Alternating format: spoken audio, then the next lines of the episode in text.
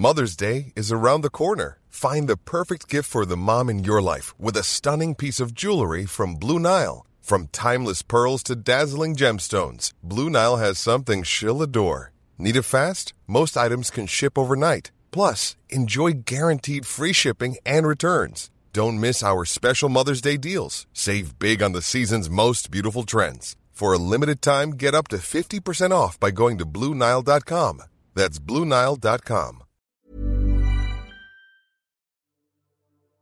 علي سائق شاحنة ما بيملكها لكن بيعمل عليها لنقل البضائع على طريق عمان العقبة والطريق الخارجي. كل الناس تأثرت. هذا ماخذ يعني اللي اللي, قاعد يجيب مصروفه يومي. قاعد بيطلع كل يوم بيجيب هالعشر ليرات عشان يصرفهم على بيته. بتقاضى علي أجاره بشكل يومي واللي انعكس على عمله بعد إعلان وقف العمل وحظر التجوال. ولما يقعد على بيته ما فيش اليوم 10 ليرات منين بده ياكل؟ منين بده يشرب؟ منين بده يصرف؟ علي وكثير من المواطنين تأثروا بقرار حظر التجوال خاصة إنهم بيشتغلوا في قطاعات غير منظمة وبيتقاضوا أجرتهم بشكل يومي. في الحلقة الثالثة من الموسم الثالث من بودكاست البرلمان رح نناقش موضوع المتأثرين من تبعات فيروس كورونا اقتصاديا وخصوصا في ظل حظر التجوال الكلي اللي أحدث شلل لغالبية القطاعات الاقتصادية في الأردن. بودكاست البرلمان من منصة صوت وبيهدف لإشراك المواطنين في السياسات البرلمانية وتوصيل همومهم لممثليهم في مجلس النواب. والله إنه إنه قلق كثير والحمد لله هي مستورة بس الواحد يعني صار يتراجع شوي لورا.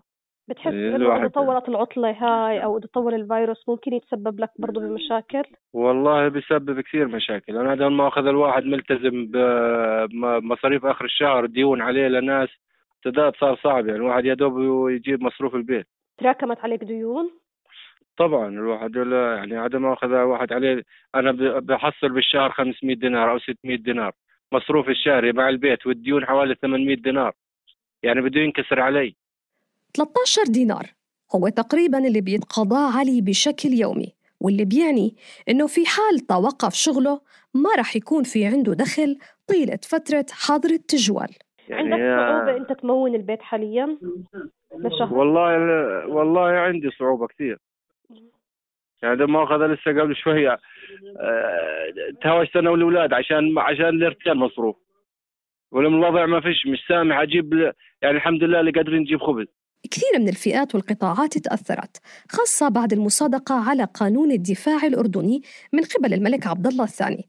وبعد ما أعلنت الحكومة الأردنية تعليق دوام المدارس والجامعات والمؤسسات والمحال وإيقاف صلاة الجمعة كإجراءات احترازية بعد ما زادت عدد الحالات المصابة بفيروس كورونا. ونظرا لوجود ظرف استثنائي يتطلب توفير أداة للحكومة ووسيلة إضافية لحماية الصحة العامة والحفاظ على سلامة المواطنين.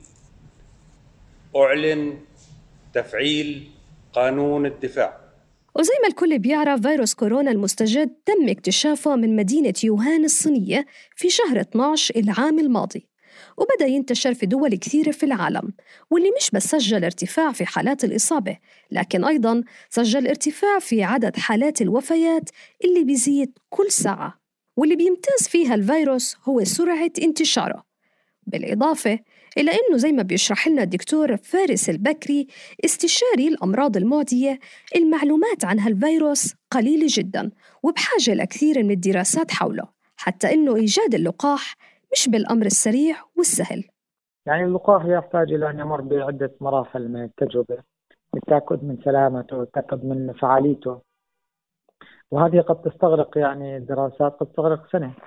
آه، يعني لا أظن أننا سنرى مطعوم قبل سنة. يعني أي مطعوم سنسمع عنه هو مجرد يعني بداية. يعني هو عبارة عن آه، مركب كبداية يحتاج إلى فحصه وإلى التأكيد على سلامته. وتجربته ثم على التدريج على أعداد أكبر حتى يتم اطمئنان إلى سلامته وفعاليته. الحكومة قامت ببعض الإجراءات قبل ما تقوم بإعلان حظر التجوال استنادا لقانون الدفاع. كان منها تعطيل المؤسسات والجامعات والمدارس وكان الهدف منع انتشار الفيروس اللي بيعلق عليه عضو لجنة الصحة النيابية إبراهيم البدور. هاي الإجراءات بصراحة هدفها يمكن كان إنه عدم إدخال أي حالات وبنفس الوقت بصراحة حماية الناس اللي موجودين جوا الأردن يعني عمل حجر داخلي داخل الأردن. لأنه بصراحة بعد اليوم ما اكتشفوا ست حالات كمان جديدة في مصابة منهم أربع أجانب واثنين أردنيين كانوا مخالطين وفي شخص جاي من برا. معناته إحنا ما عندناش الفيروس داخلي ولكن هو مستورد من الخارج. لذلك أعتقد تسكير المعابر فكره جيدة. الآن أعتقد الان في عندنا حالات الهدف الرئيسي الآن عندنا إنه ما يزيدوا الحالات قد ما نقدر بالرغم من إنه هذا الفيروس مشكلته إنه اسوء شيء فيه إنه بينتشر بسرعة.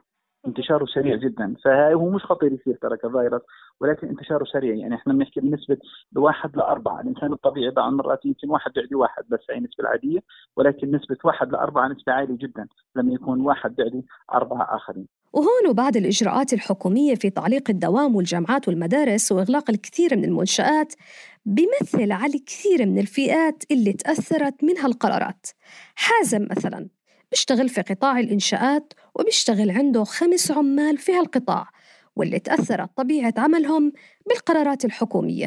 العقودات اللي تكون موقعة مع الناس تأجلت.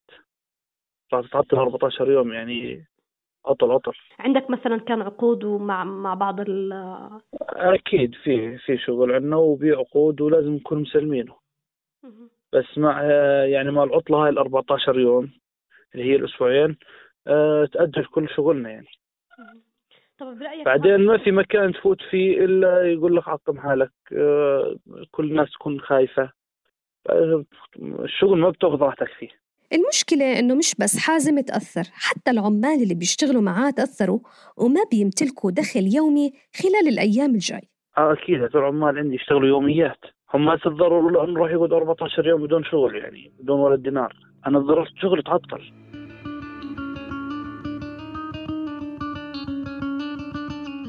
دراسة صادرة عن منظمة العمل الدولية في عام 2018 بتوضح أنه العاملين والعاملات في القطاع غير الرسمي هم الأكثر عرضة للفقر.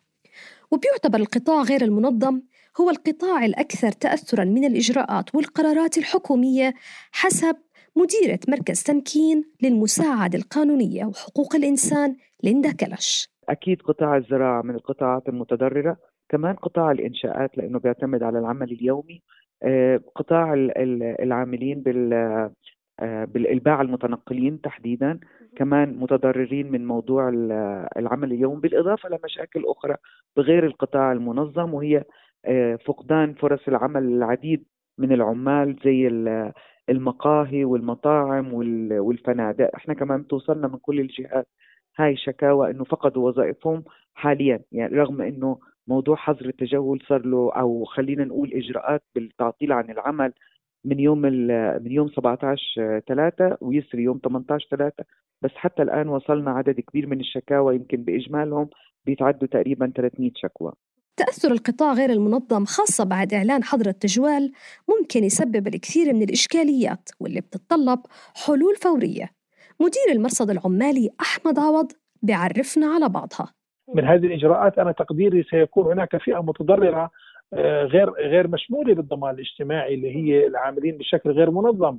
وهذول بيشكلوا حوالي 48% من القوى العامله في الأردن. وأنا تقديري هون مسؤولية الدولة توسيع نطاق الدعم والحماية من خلال صندوق المعونه الوطنية ومن خلال المؤسسات الأخرى ليس فقط لتقديم الدعم للفقراء وإنما أيضا للعاملين الفقراء وللعاملين في شكل بشكل غير منظم واللي مؤسساتهم أو راح تتضرر أعمالهم في قطاع النقل وفي قطاع السياحة وخلافه من عشرات القطاعات الأخرى.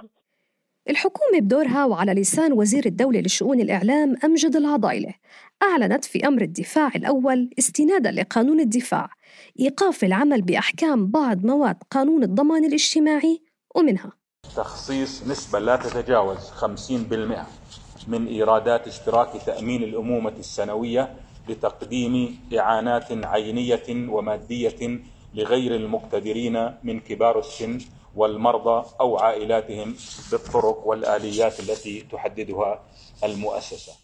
الحكومة أيضا أصدرت عدة قرارات أخرى كانت في محاولة منها للتخفيف على المواطنين خلال الفترة الحالية كان منها أنه وزارة الصناعة والتجارة والتموين وضعت سقوف سعرية ورح يتم مراجعتها بشكل دوري.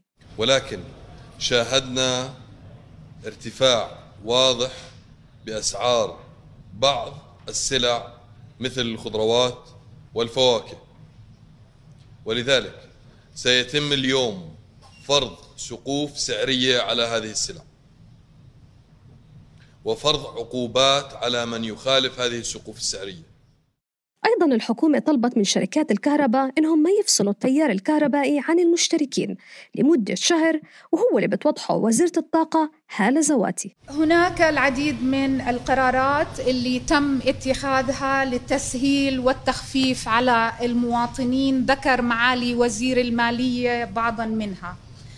أول قرار وهو آه، أنه لن يتم استيفاء تعرفة الحمل الأقصى للصناعات المتوسطة والزراعة والفنادق وذلك اعتبارا من تاريخه وحتى نهاية شهر 6 2020 وهذا آه، آه، تنتظر القطاعات الإنتاجية لتخفض من كلف الكهرباء عليها وهو لمساعدتهم للقيام بأعمالهم.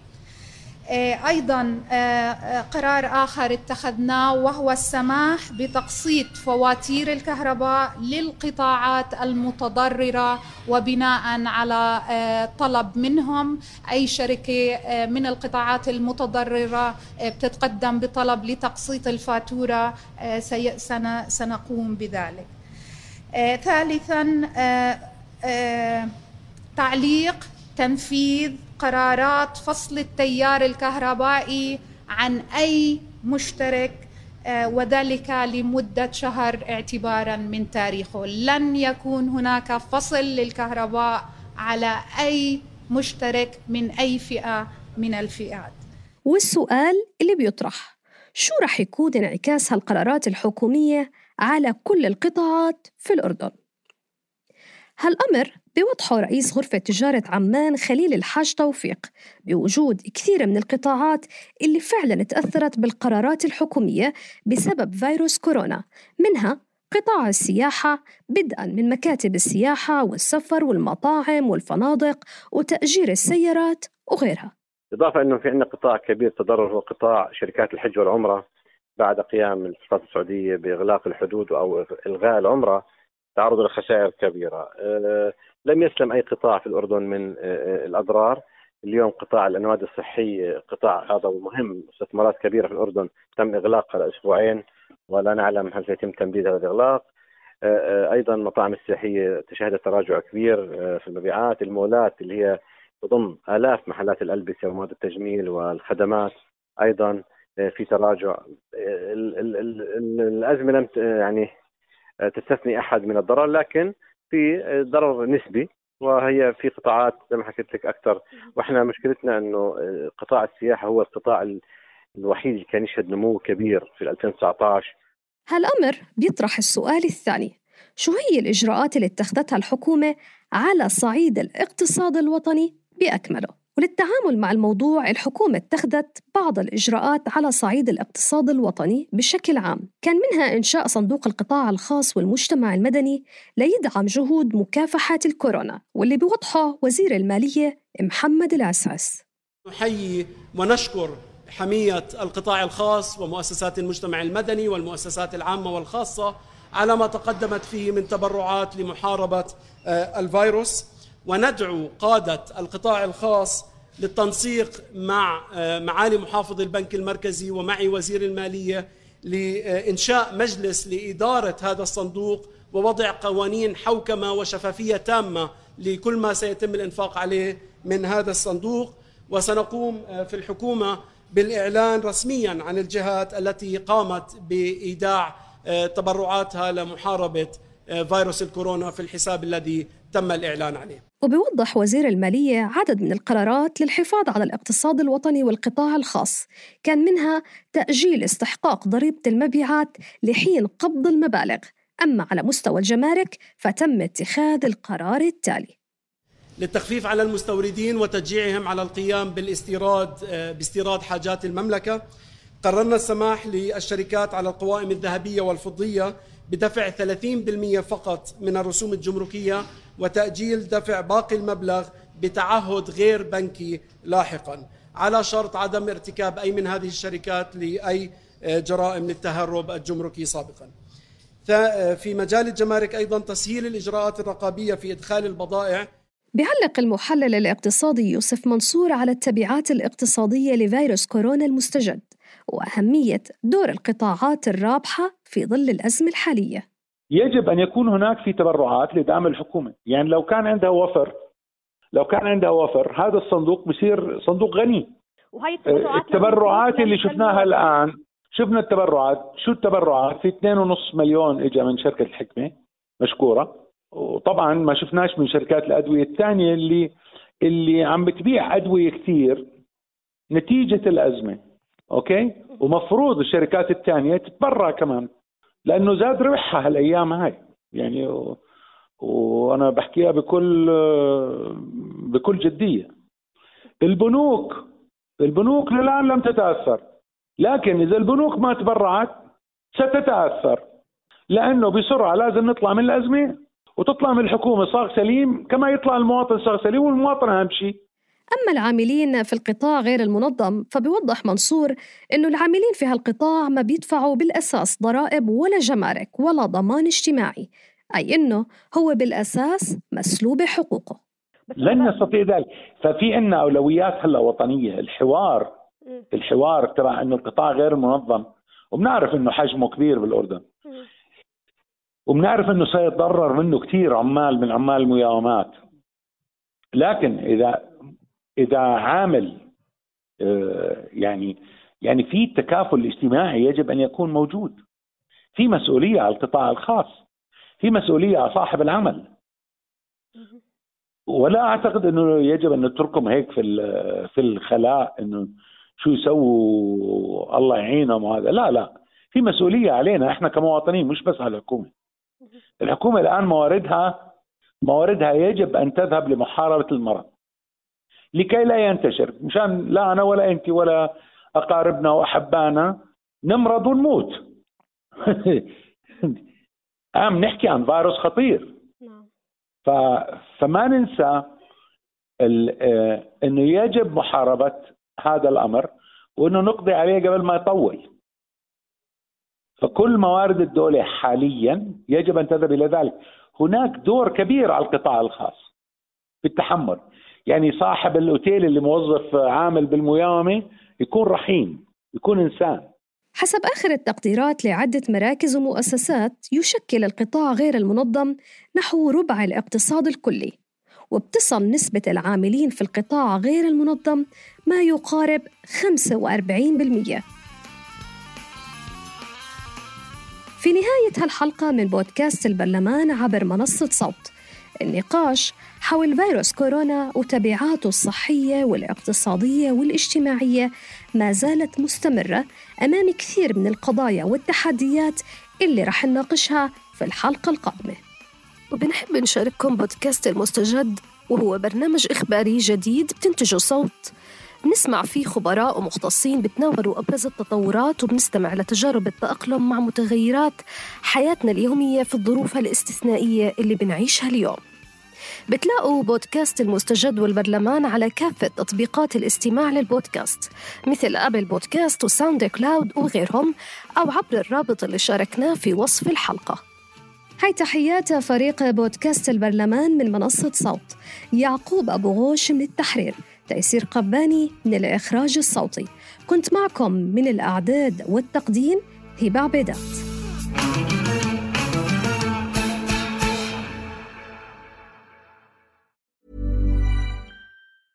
Mom deserves the best, and there's no better place to shop for Mother's Day than Whole Foods Market. They're your destination for unbeatable savings, from premium gifts to show-stopping flowers and irresistible desserts. Start by saving 33% with Prime on all body care and candles. Then get a 15-stem bunch of tulips for just $9.99 each with Prime. Round out Mom's menu with festive rosé, irresistible berry chantilly cake, and more special treats. Come celebrate Mother's Day at Whole Foods Market.